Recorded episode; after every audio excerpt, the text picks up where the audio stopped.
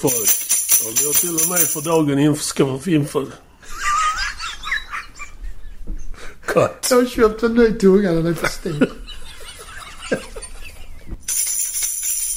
Ho, ho, ho gott folk och välkomna till Tinnitus och Dist. Som vanligt så har jag en ytterligt julutklädd Ulf Österlind med mig. Och jag har min tomteluva, Palle Arvidsson, med mig. Tack så mycket för de Idag- värmande orden. Tack, tack, tack. Det behövs nu när snön faller. Ja, och vi med den. Ja. Idag tänkte vi göra eh, lite om jullåtar. faktiskt. Som sig bör i juletid. Ja, dessutom så ska de både vara bra och inte dåliga, men... Ja, Det är svårt att hata jullåtar tycker Ja, det är jag. det faktiskt. Men uh, där finns ju bra och mindre bra om vi Ja. säger så. Sen finns det ju de som det är svårt att tycka om också. Ja. Men jag tänkte jag skulle börja med en som jag tycker om i alla fall. Och det är en låt som heter Please Come Home For Christmas. Mm. Som... Eh, ja, jag gillar den för den är lite sorgsen men ändå hoppfull. Okej. Och lite... En låt om längtan efter julens gemenskap med någon som känner sig lite ensam. Liksom. Ja, det, det är en svår vinkel. Det är, det är många jullåtar som försöker sig på den vinkeln. Och det är en hårfin linje mellan mitt i prick och pekoral. Men här lyckas man tycker jag. Ja, och sen den första versionen jag hörde av den det var faktiskt med en amerikansk countrysångare som heter Martina McBride. Mm. Som gör en fin version. Men den är egentligen skriven av en eh, amerikansk... eh, han är väl blues-snubbe på ett sätt. Som, het, som heter Charles Brown. Han skrev den tillsammans med... Eller rättare sagt, Charles Brown hävdar själv att han skrev den. Medan eh, en man som heter Gene Rudd hävdar att han hjälpte till. Mhm. This is the central scrutinizer. Det blev ett fel här. Därför kommer jag in. Han heter alltså inte Gene Rudd utan han heter Gene Red. Back to the program.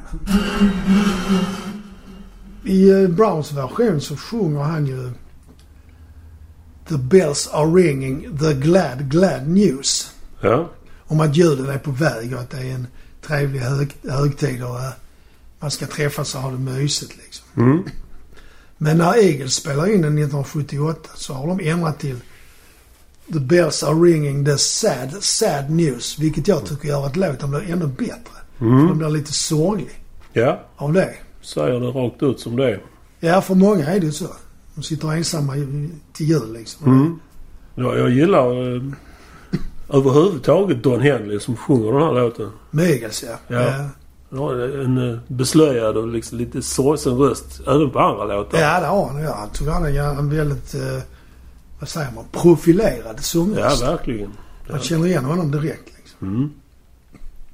Men den är ju inspelad av massor med andra. John Bon Jovi har varit på den. Willie Nelson. John Bon Jovi har jag inte hört. Country, Willie Nelson är ju countryns svar på Bob Dylan. Sångmässigt. Aaron Neville har också gjort den. Det var en ganska fin version den också men... Pat Bennett har så också gjort den. Jaså? Special- Det har jag missat. Jag vet inte om den har getts ut men de gjorde det till eh, eh, soldaterna när de var i Gulfkriget där. Ja, okej. okej. Ni- 90 måste det ha varit. Ja. Intressant med Eagles version är ju att faktiskt det är första gången Timothy B. Smith, deras basist, är med på en platta. Han ersatte ju originalmedlemmen Randy Meisner. Mm. Så det är hans första framträdande på en platta med Eagles. Mm. Spännande. 1978 som han, som, som jag sa innan. Mm. Way back. Ja, det är det. Sen eh, är det ju som jag sa, texten är ju väldigt fin. I fjärde versen, i slutet av fjärde versen sjunger de Then won't you tell me you'll never more roam Christmas and New Year's Eve, Eve will find you home. Mm. Och då är det ju, kan man ju tänka sig lite att det är någon ensam som sitter hemma och längtar efter sin lastbilschaffis eller Mm. sin älskling som är på väg eller jobbar sent eller så. Eller så är det rent av tomtemor Kan som det så? saknar Eller tomten så är det en rejäl klunk julawhisky som är på väg ner. som behövs. Att bli ännu mer ensam. Ja, precis. En, en, en intressant grej också tycker jag som är Det är att i Martina McBrides version så har de lagt in i refrängerna en gitarr som är ett citat av eh, Beatles Oh Darling. Jaha. Sånt tycker jag är ganska roligt faktiskt. Ja, du gillar att peta i texter. Ja, och lite sådana musikaliska citat är ganska kul tycker jag också. Ja. Men som jag sa innan jag började, jag tycker att det är faktiskt en av de finaste julsångerna. För mig. Mm. Nu tänkte jag glida över till någonting betydligt hårdare. Som, eh, ja vackert kan man ju säga att det är på sitt sätt. Det är vår vän Alice Cooper. Som har gjort eh, Santa Claus is coming to town. En version på den. Eh, låten är ju från början från 1934. Det är många som har varit på den också. Ja, oh ja. Alltså Tommy Dorsey på sin tid, storbandsledaren. Jaså? Ja. Spelade trombon va? Ja, det vet jag inte, men min far gillar det bandet. Ja, min så, så gammalt är det. Jackson 5, det vet jag att du gillar. Nej, Jo, men jag hade singlar med Michael se Jackson. där, se där. Rockin' Robin bland annat. Ja. Ja, Bruce, till och med Bruce Springsteen. Ja, den versionen den har jag faktiskt på Maxi-singeln. Den tycker Mm. jag är skitbra. Ja, det är den. Det är den. Massor med julbjällror. Ja, och Klaus Klemmer sp- spelar tomte. Oh, oh.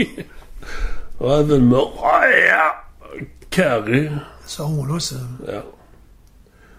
Ehm, den ligger på en eh, samlingsplatta med massa andra hårdrocksgrejer som heter We Wish You A Metal Christmas and A Headbanging New Year. 2008 kom den ut. Annars har man ju alltid en headbanging New Year's Day.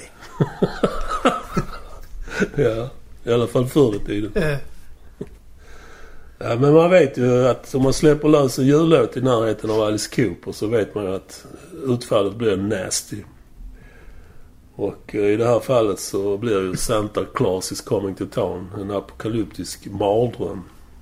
Redan i introriffet så hör man djävulens intervall. Det är en speciell harmoniföljd som låter väldigt... Black Sabbath använder Just det, i den låten, Black Sabbath. Ja. Deras första platta. med regn och kyrkklockor Ja. och så den, det riffet där. Väldigt ödesmättat och, och för, för att understryka det här riktigt eh, att det här är inget, inte på, på skoj liksom utan han bokstaverar, Alice Cooper bokstaverar S-A-N-T-A-C-L-A-W-S för att bokstavera att här handlar om klor. Klor, ja just det. Inte något jävla mesigt tomte här. Tomten som kommer att riva dig i bitar, då ska man tolka det. ja. Mycket duktigt folk i bandet. Eh, Bland annat... Det är ju olika band på de olika låtarna på den skivan. Men i hans, eh, på hans låt Alice så är det Carmines brorsa Vinnie Appice, Appice tror jag det uttalas. Pace. Ja, jag kan inte. Jag har för mig hört någon intervju med Ja. Carmen säga poängtera noga att det uttalas Appice. De är knepiga italienare. Men då måste det vara eh, att de är söner till han down the road, a piece. Ja, det var inte bra. Oh my god. kan man klippa bort det redan nu? Det är en eh, duktig gitarrist också. Eh, som... li- lite åt Van Halen-hållet. Ja, han det är inte. Ja. Nej, det är inte han. En kille. Han har faktiskt spelat med David Lee Roth. Och Marilyn Manson efter detta. Ja, en kille som heter John Five. Aldrig hört. Nej, inte jag heller. John Lowery heter han egentligen. Men tydligen så är han... Det är ju alltså, det är ju en eh, generation som är... Som vi inte kanske har så bra koll på. Nej, inte jag i alla fall. Det får jag erkänna faktiskt. Nej. Jag vet inte. Alice Cooper... eh, På, på tidigt 70-tal. När han dök upp så tyckte man ju det var det sjukaste man dittills Ja, hade då hört. han och Kiss. Kommer Ja. jag ihåg. Det var sån här skräckrock. Ja, ja. Men Alice var ju värre än Kiss. Nu är det mer rock. Det är inte så mycket skräck. Bara det faktumet att ett band översatt till Alice Cooper, det var, var, fanns ju inte. Bara det liksom tyckte man att det var hårresande. Ja, fast det fattar jag inte riktigt då. Nej, man trodde ju att det var han som hette Alice Cooper. Ja, det trodde jag faktiskt. Eh, Vincent Damon Fernier hette han ju Ja. Men de, bandet hette eh, Alice Cooper och de hade faktiskt ett avtal från början också. i bandet. Att de var delägare allihopa i det namnet. Ja, okej. Och så blev det ju som vanligt som vi har nämnt tidigare att eh, ja, man blir ovänner och bandet försvinner. Ja. Och eftersom alla var delägare till namnet kunde ju ingen använda det. Och då gör han ju det listiga draget, Vincent, och byter namn till Alice Cooper Själv alltså. själv ja. Så han Ja, heter ju Alice Cooper nu. Men gjorde han det redan så tidigt? En Ja. lurig jävel. 74 gjorde han det. Ändå var han alkoholiserad. Ja. Han har för mig jag läst någonstans att han har sagt att det är en tre, fyra album som han inte ens kommer ihåg att han har spelat in. Så han så mycket krökad. ja. Men nu tror jag han är, eh, vad kallas det, nykteriserad. ja, det är han. Det är han. Spelar mycket golf Ja. faktiskt.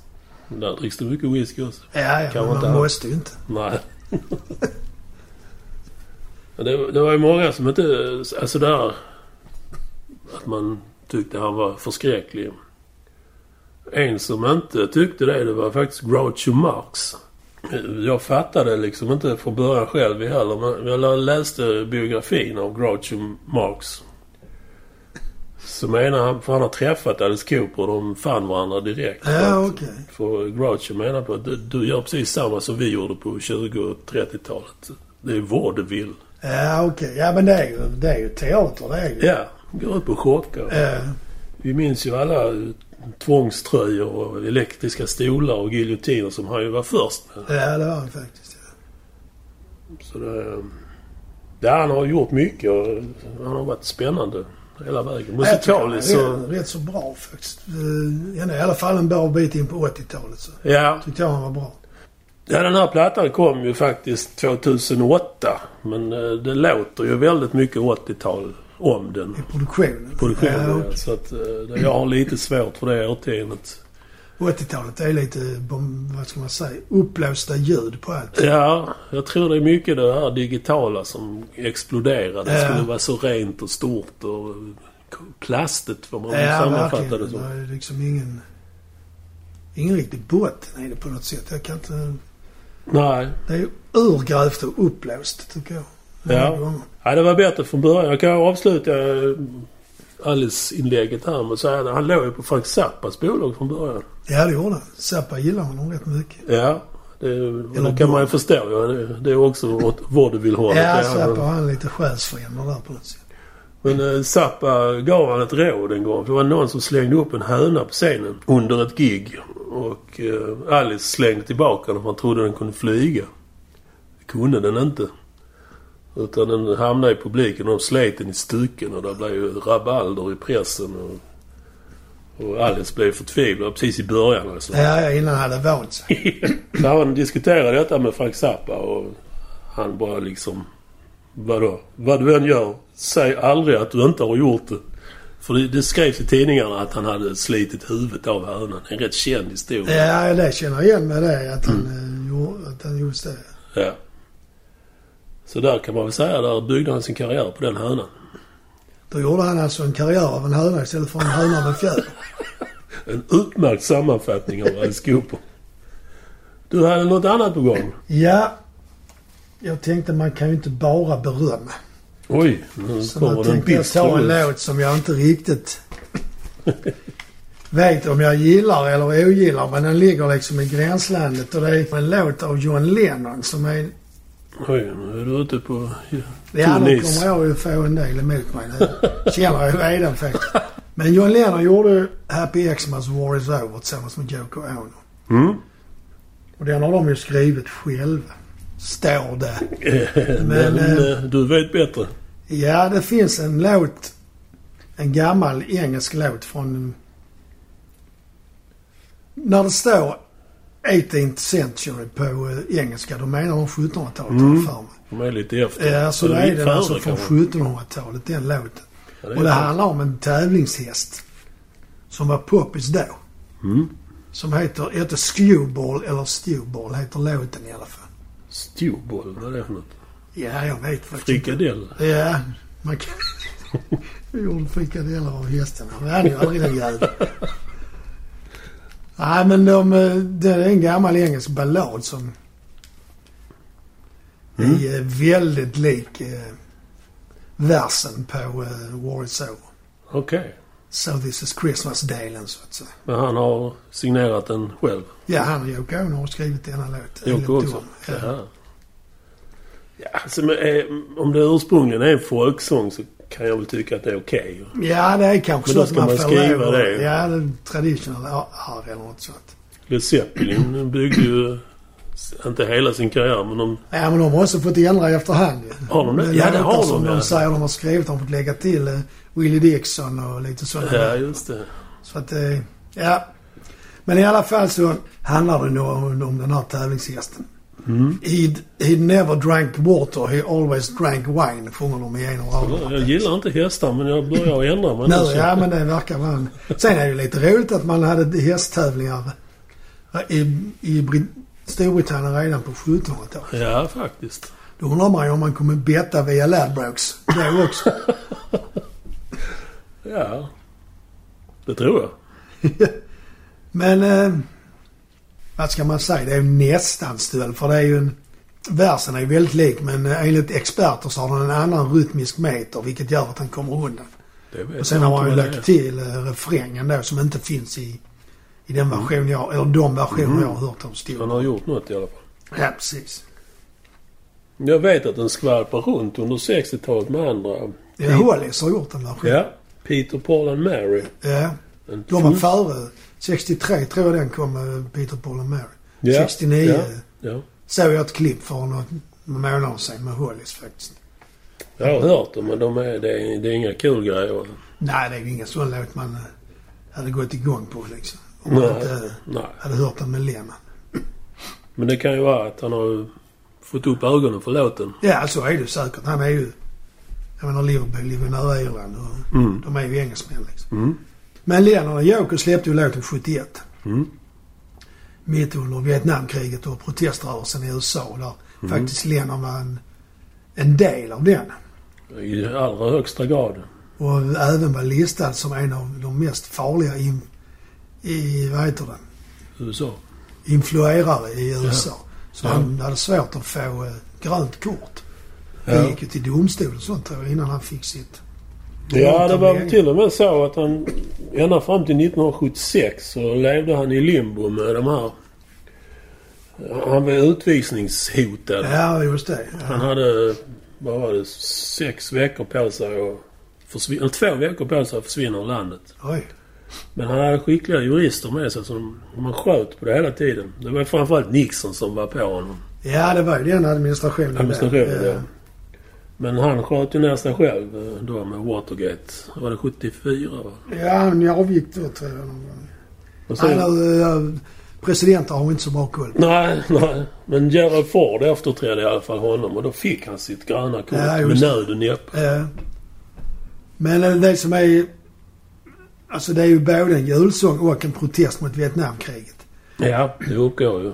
Det framgår ju menar jag. Ja, och de hade ju använt det här War is over som en... Som ett budskap redan innan de skrev låten. När de klistrade upp en jätteaffischer i 12 av världens största städer med War is over if you want it.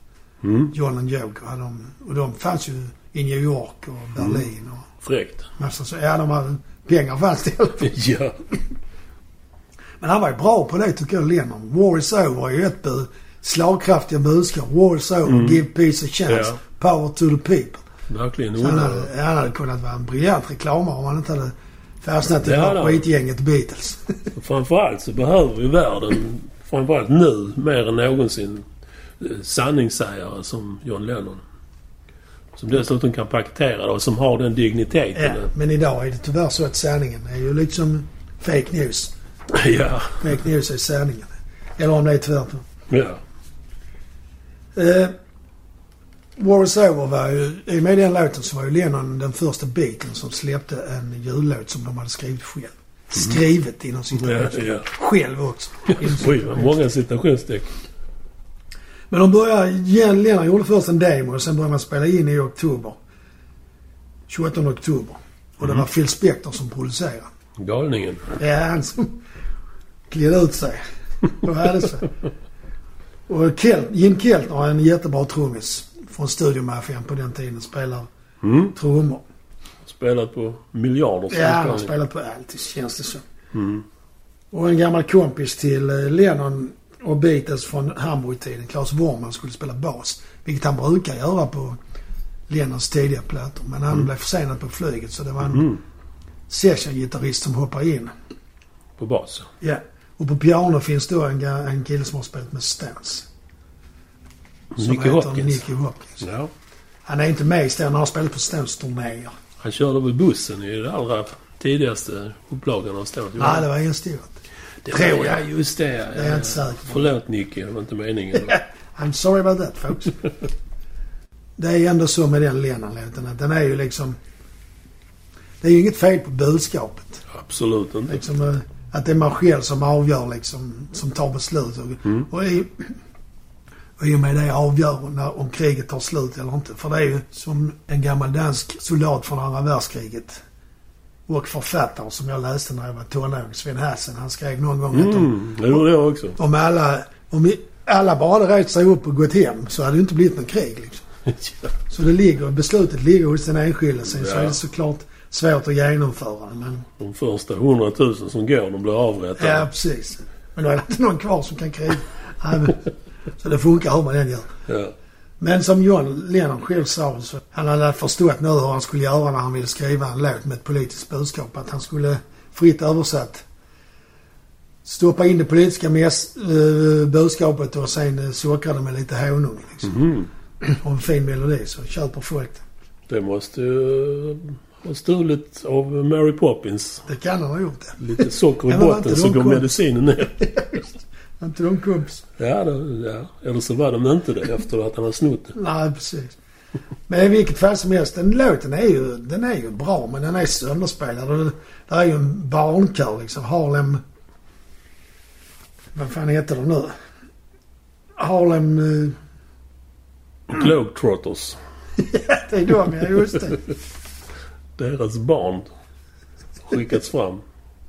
Nej, riktigt så är det ju inte. Det är, det är alltid ett diaboliskt drag att lägga in en barnkör. Ja, det är väldigt kalkylerat. Det är svårt som. att hata barn liksom. Eller tycka illa om The eller. Harlem Community Choir, så heter det. Aha. Barn mellan 5 och 12 år. Redan där är man ju liksom... Hör ni ljudet? Känner ni lukten? Det är pengar. Ni får inga men Nej, precis. här har ni varsin klubba. God jul. Men ja, hatobjekt är att ta i, men den är sönderspelad. Mm. Men den är samtidigt fin.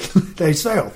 Ja, det, men det, det är som vi sa i början. Det, det gäller ju alla, alla jullåtar. Det är Ja, svårt det att hata dem för det, det har ett gott syfte. Ja, och det är ju ändå trevligt med jul trots allt. Liksom. Ja, det vet fan. Ja, jo, det är det.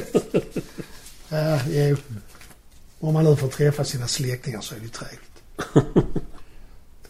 Ja, det var John Lennon och Yoko Onos stöld av Stewball. Stewball, ja.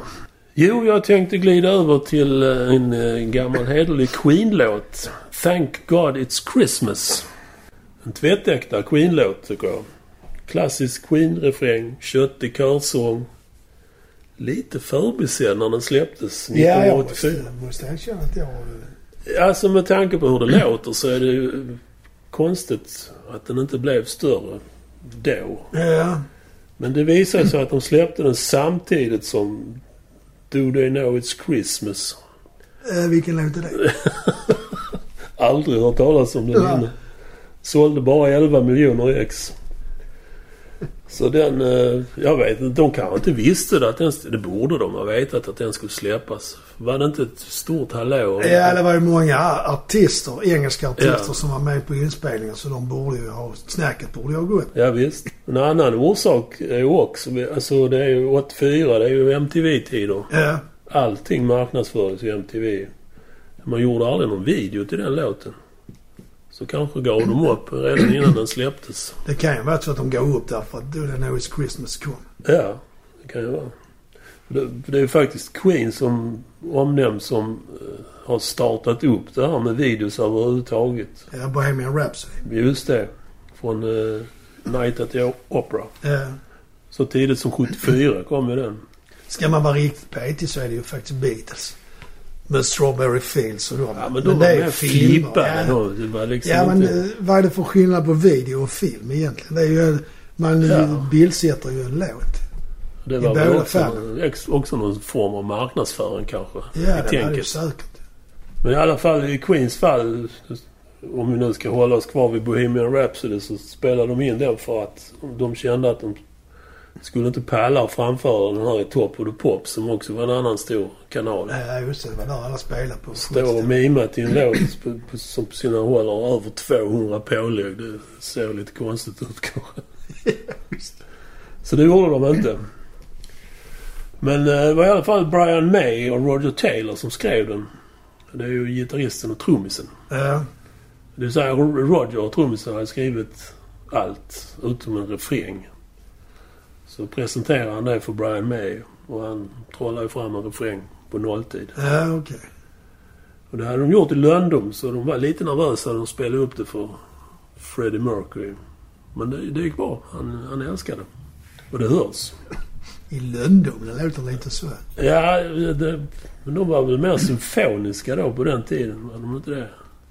84? Det kanske inte ingick i deras koncept att spela julmusik. Nej, det kan det ha varit i och för sig. Men det var nog lite så också att 84 var de väl inte så poppis längre heller. De gjorde ju comeback med Live Aid. Just det. När kom det? Det var senare va? Ja, det var efter. De gjorde i alla fall en eh, video sent om sidor 2019 till den här låten. Jag har inte sett den men... 2019? Mm. Det är förra året. Ja. Brian May och Roger Taylor är de som driver Queen nu. Ja, ja, John Deacon har ju hoppat av och Freddie Mercury, han har ju lämnat in. Så att, eh, Mm. Eller John Deacon, han, han ville inte fortsätta när Freddie gick bort. Nej. Han har bara spelat en konsert med dem i, efter det och det var när de gjorde hyllningen till Freddie Mercury. Jaha. Sen har han inte spelat med bandet. Vad det visste jag inte. Jag trodde han hängde med ett tag. Nej, jag tror inte det faktiskt. Jag är ganska säker på det. Vi kan i alla fall tända ett ljus för eh, Adam Lambert som sjunger nu. Jag tycker han gör det suveränt. Ja, fast jag tyckte det var rätt kul när Paul Rogers Ja, det var det. Men det Men var ju inte Queen. Nej, det är det inte. Men det var bra. Och Adam Lambert är ju absolut... Han, han härmar ju inte eh, företrädaren liksom. Utan han gör sitt eget av det. Ja, men Och han det gör det bra. rätt likt. Är det inte Mm. det? Han kommer från teatern tror jag. Det passar nog bra i deras musik. Ja, det är ju lite så. Mm. Teatraliskt. Just det. Ja, det var det om detta. Ja, då tänkte jag att jag skulle prata om den allra bästa jullåten av dem alla. Oj, nu jädrar. Nu är vi uppe i toppklass. Ja. Och det är en, en låt om den hårt arbetande Reinen Rudolf. Med tunga krav på sig att hålla produktionstempot. Aha. Det finns tider att passa, klappar dela ut. Ja. Tomten jagar honom för att han ska hinna med och bakom honom ligger Randolph.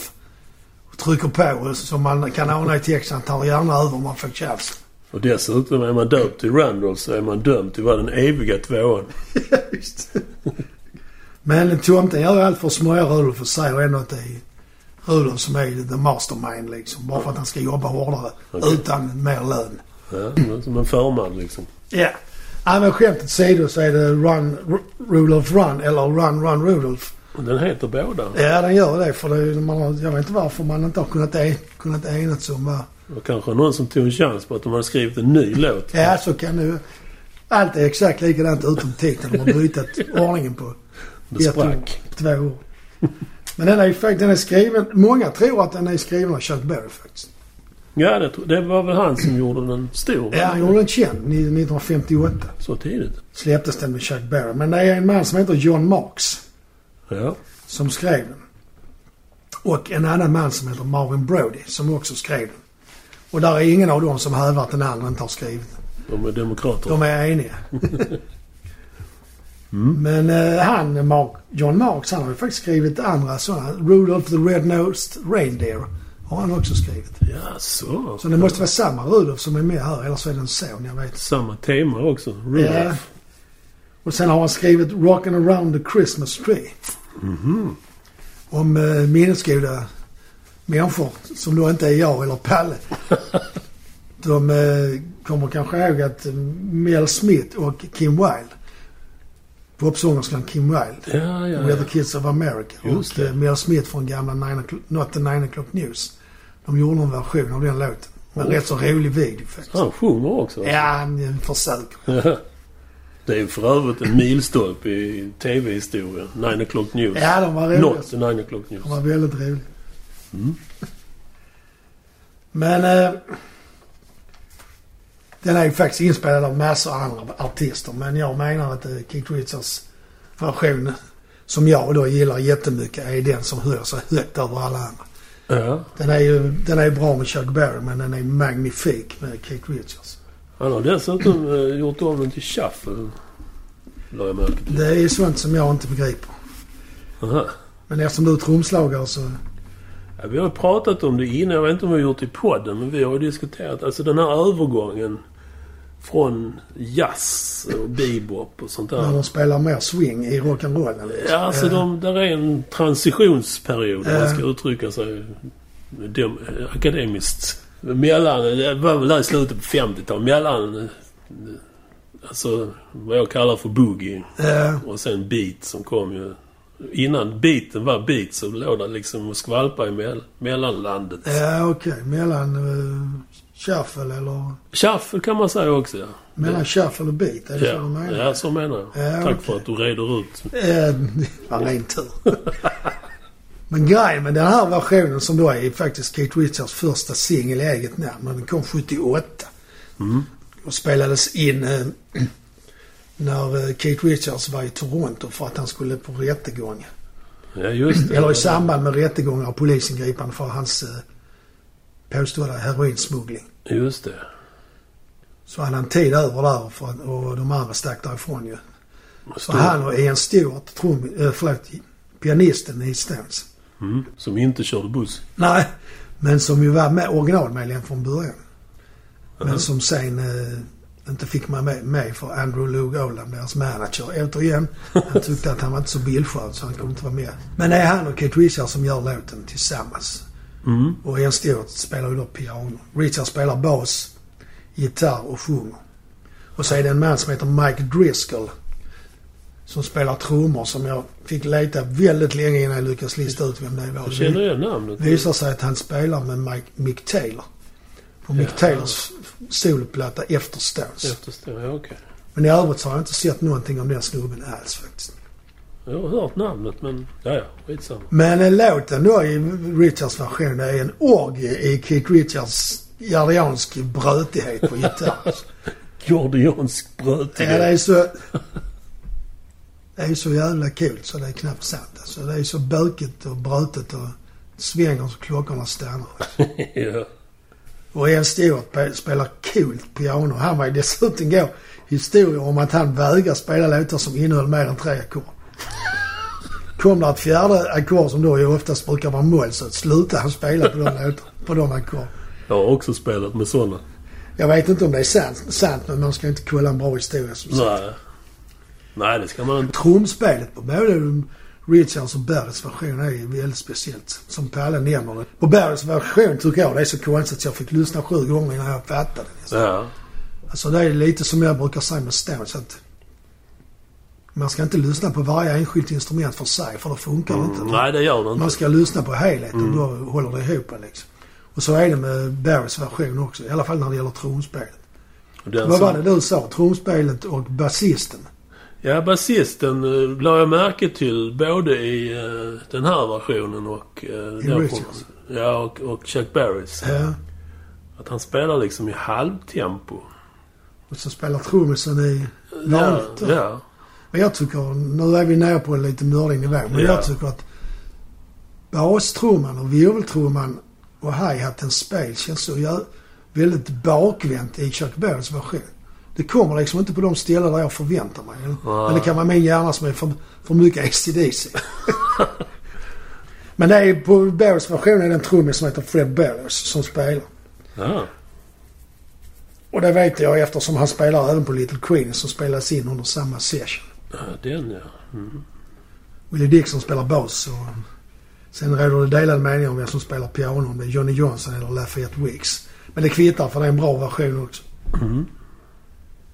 Men eh, som Richards själv sa. För honom är det den hippaste och coolaste jullåten av, överhuvudtaget. Fantastisk eh, text och en glädjefylld känsla i låten Mm. liksom. Fantastisk eh, Ja, det måste man hålla med tagning också. mm. Och det håller jag helt med på. För att både Chuck Berrys och Richards versioner är magiska skulle jag vilja hävda.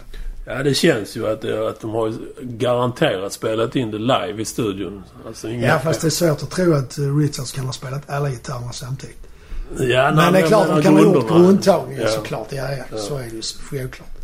Och med Chuck Berry så var det ju så. Det gick ju inte att göra på något Nej, de sätt på fick ju mixa genom att flytta mikrofonen Ja, visst. Tagning tillbaka. 712. Nej, jag kan inte sjunga tagning 712 för jag kommer inte ihåg texten. Du har haft 711 gånger på dig. Ja, precis. Nej, men eh, som sagt en kanonlåt. 10 av 10. Om man nu ska betygsätta det på det sättet. Mm. Jag är inte sådär eh, vild med Stones. Nej, du har inte heller fattat grejen. Har jag förstått. Och sen är jag fortfarande tjurig över att du sänkte mina live-skivor så att... Eh, två av tio! Ja, ja. Men det är Det kan jag bära för jag har singlar. Och med detta sagt så glider vi över till någonting helt annat. Ett gemensamt... eh, Hatobjekt. ja, hat. Är väl också att ta i. Men... eh, Ja, jag säger som gemensam förvåning med mycket stora bokstäver kan du. Ja, säga. alltså Förundran. låten vi ska nu in och... Inte hata, men vi ska väl Tycker jag, något, påpeka vissa detaljer som... tycker jag någorlunda illa om i alla fall. ja. Det är ju den här som Bing Crosby och David Bowie spelade in 1977. Som då heter Little Drummer Boy. Peace on Earth. Just det. Den är fin.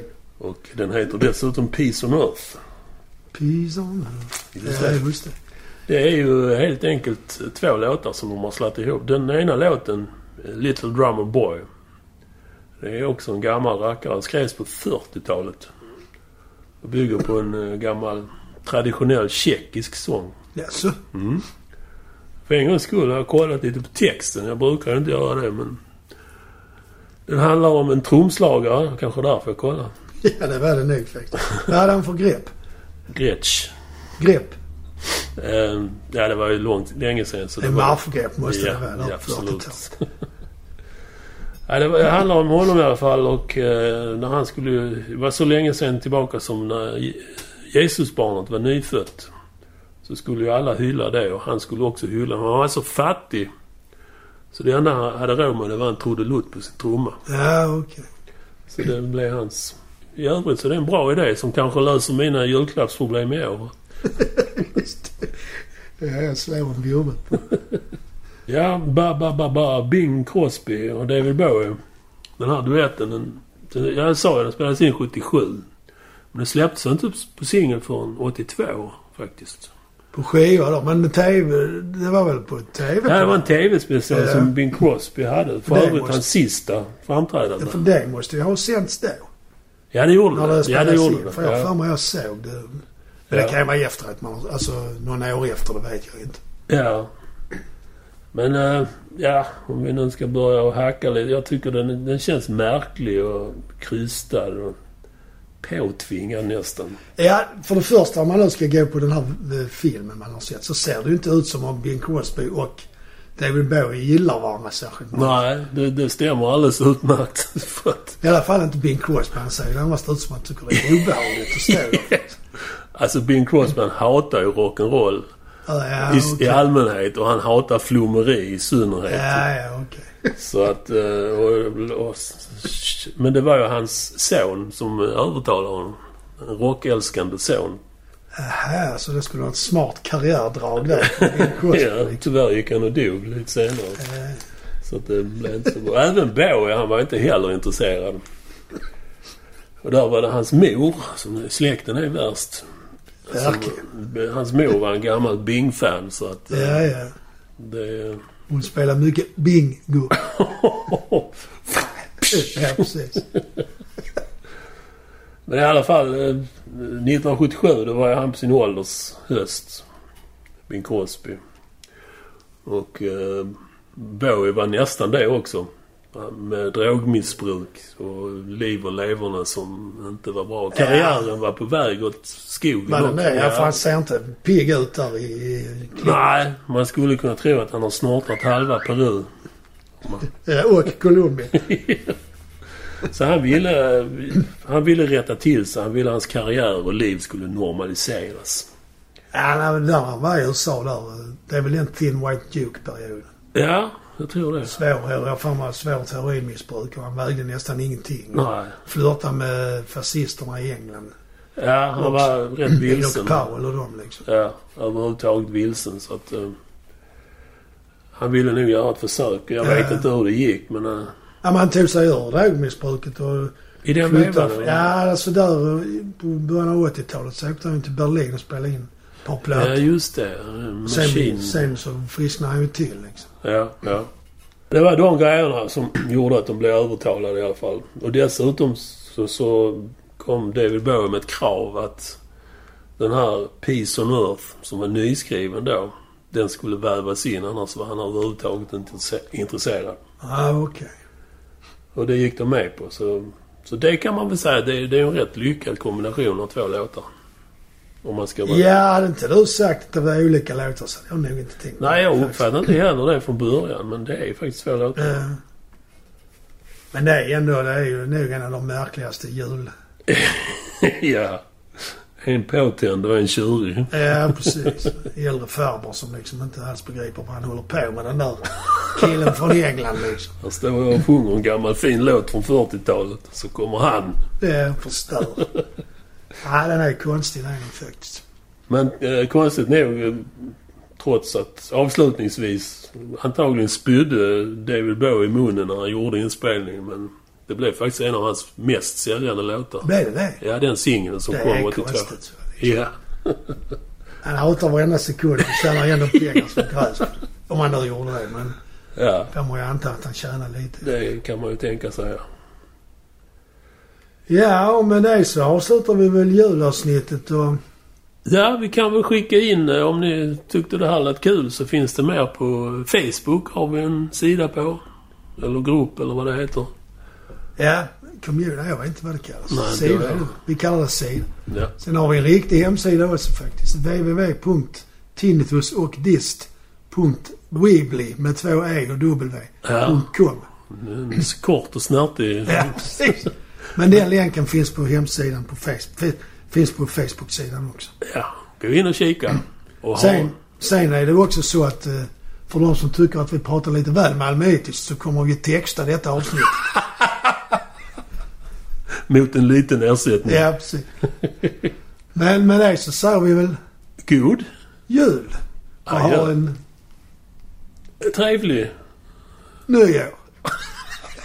Vi ska aldrig göra så igen. Nej, det var dumt. Hej! Hej då!